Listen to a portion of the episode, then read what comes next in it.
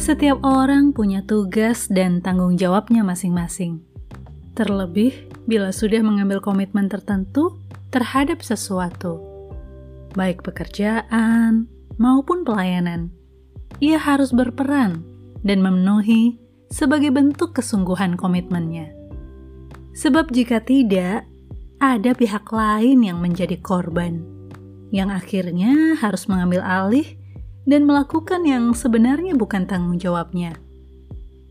Kedewasaan seseorang adalah diukur dari seberapa besar seseorang memenuhi tanggung jawabnya.